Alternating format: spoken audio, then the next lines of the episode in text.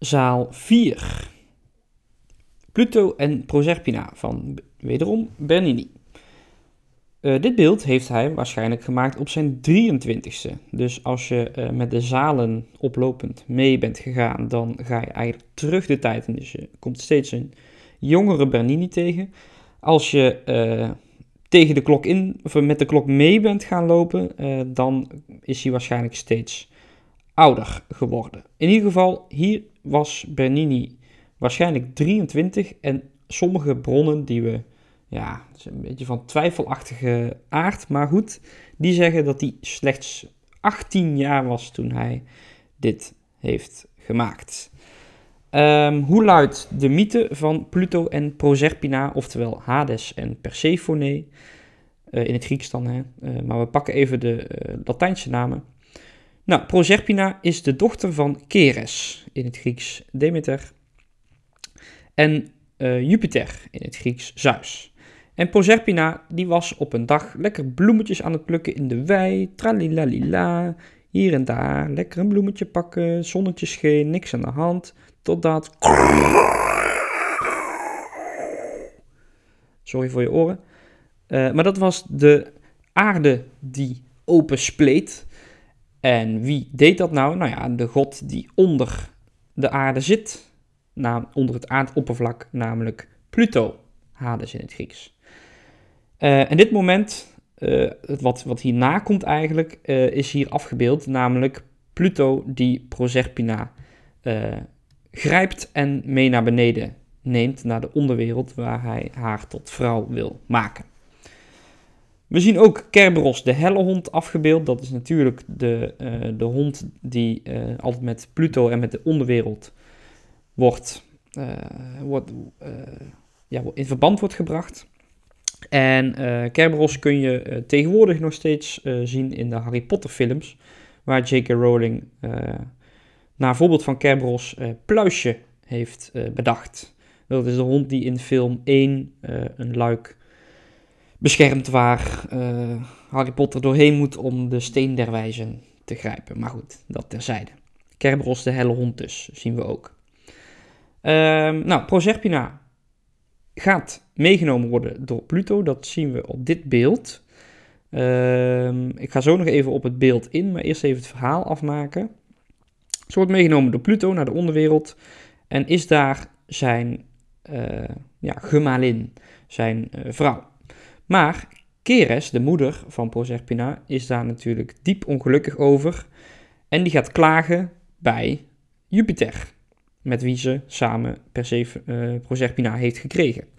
En ze zegt, hoe kun je dit nou toelaten? Jouw broer, die, uh, onze broer, die, uh, die jat gewoon onze dochter. En ja, je doet er niks mee. En Jupiter, oppergod, zegt, nou goed, ik ga wel even met mijn broer praten. Zij gaat naar Pluto toe en hij zegt, yo, gast, dit kan echt niet je moet haar wel gewoon teruggeven aan uh, Keres. Oké, oké, oké, zegt uh, Pluto. Ik geef, geef er wel terug. Laat er nog één dag bij mij zijn. Oké, jongen, nog één dag mag je Proserpina hebben. Nou, wat doet hij op die ene dag? Hij zegt tegen Proserpina, uh, bij het laatste avondmaal eigenlijk, zegt hij... Hier, schatje, neem dit maar eens eventjes. Mm, lekker, een granaatappeltje. Neem maar een hap. Oh, oké, okay, ja, is goed, zal ik doen. Nou, zij neemt een hap van de granaatappel, maar wat ze niet wist is dat ze daardoor eigenlijk voor eeuwig verbonden zal blijven met de onderwereld. Dus zij kan nooit het hele jaar, of eigenlijk alle tijd die, ze, die haar nog rest, boven de wereld verblijven. Ze moet af en toe terug naar de onderwereld, want ja, dat heeft, die granaatappel heeft daarvoor gezorgd dat zij deel van de onderwereld is geworden. Uh, zo gezegd, zo gedaan. En ze gaat uiteindelijk, is zij twee derde van het jaar, is zij boven de grond bij haar moeder, bij uh, Keres. En een derde van het jaar is ze uh, de vrouw van Pluto in de onderwereld. Nou, die twee derde van het jaar, dus per, per jaar eigenlijk, hè, dus twee derde uh, per jaar steeds. Um, dat is de tijd dat Keres gelukkig is. En Keres is natuurlijk de uh, godin van de oogst en van de gewassen en van alles wat groeit. Dus in die twee derde eh, tijd is eigenlijk eh, vanaf het begin van de lente tot het eh, einde van de herfst, wanneer alles in bloei staat en Keres happy is. En een derde van de tijd is eh, vanaf de late herfst tot eind van de winter, wanneer eh, ja, eh, Proserpina eh, beneden is, dan is Keres verdrietig en dan laat ze niks meer groeien en dan is het dus winter. Ja? Ehm, laten we even teruggaan naar het beeld.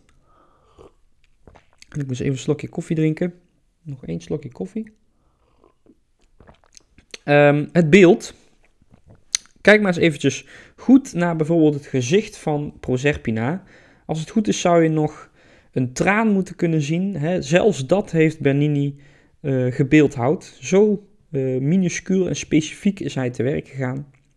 En kijk ook zeker eventjes naar de hand van Pluto die in de bil van Proserpina knijpt, of eigenlijk haar daar grijpt. Ehm, en dit is echt, ja, dit is, dit is zo prachtig vormgegeven van Bernini. Waar, als, je, als je ernaar kijkt, naar die hand in die bil, eh, het lijkt net alsof het niet van marmer is, alsof het geen hard steen is, maar alsof het gewoon het zachte vlees is van Proserpina. Dat wordt eh, ja, ingeknepen door eh, Pluto. Verder wat ons, en trouwens dit, hè, dat, dat marmer, dat vlees wordt, eh, dat heb je ook een beetje kunnen zien natuurlijk al bij Apollo en Daphne, als je daar al geweest bent in de vorige zaal. Ehm, ja, ook daar is echt de, de, de focus op, op, het, op het vleeselijke eh, van eh, zeker Daphne gelegd. Laten we verder nog eventjes goed kijken naar het contrast van de spieren. het contrast tussen de spieren van Pluto en eh, ja, de zachte huid, de lieve zachte huid van die arme Proserpina. Ja. Ehm, ja, dit was het. Prachtig beeld wederom van Bernini.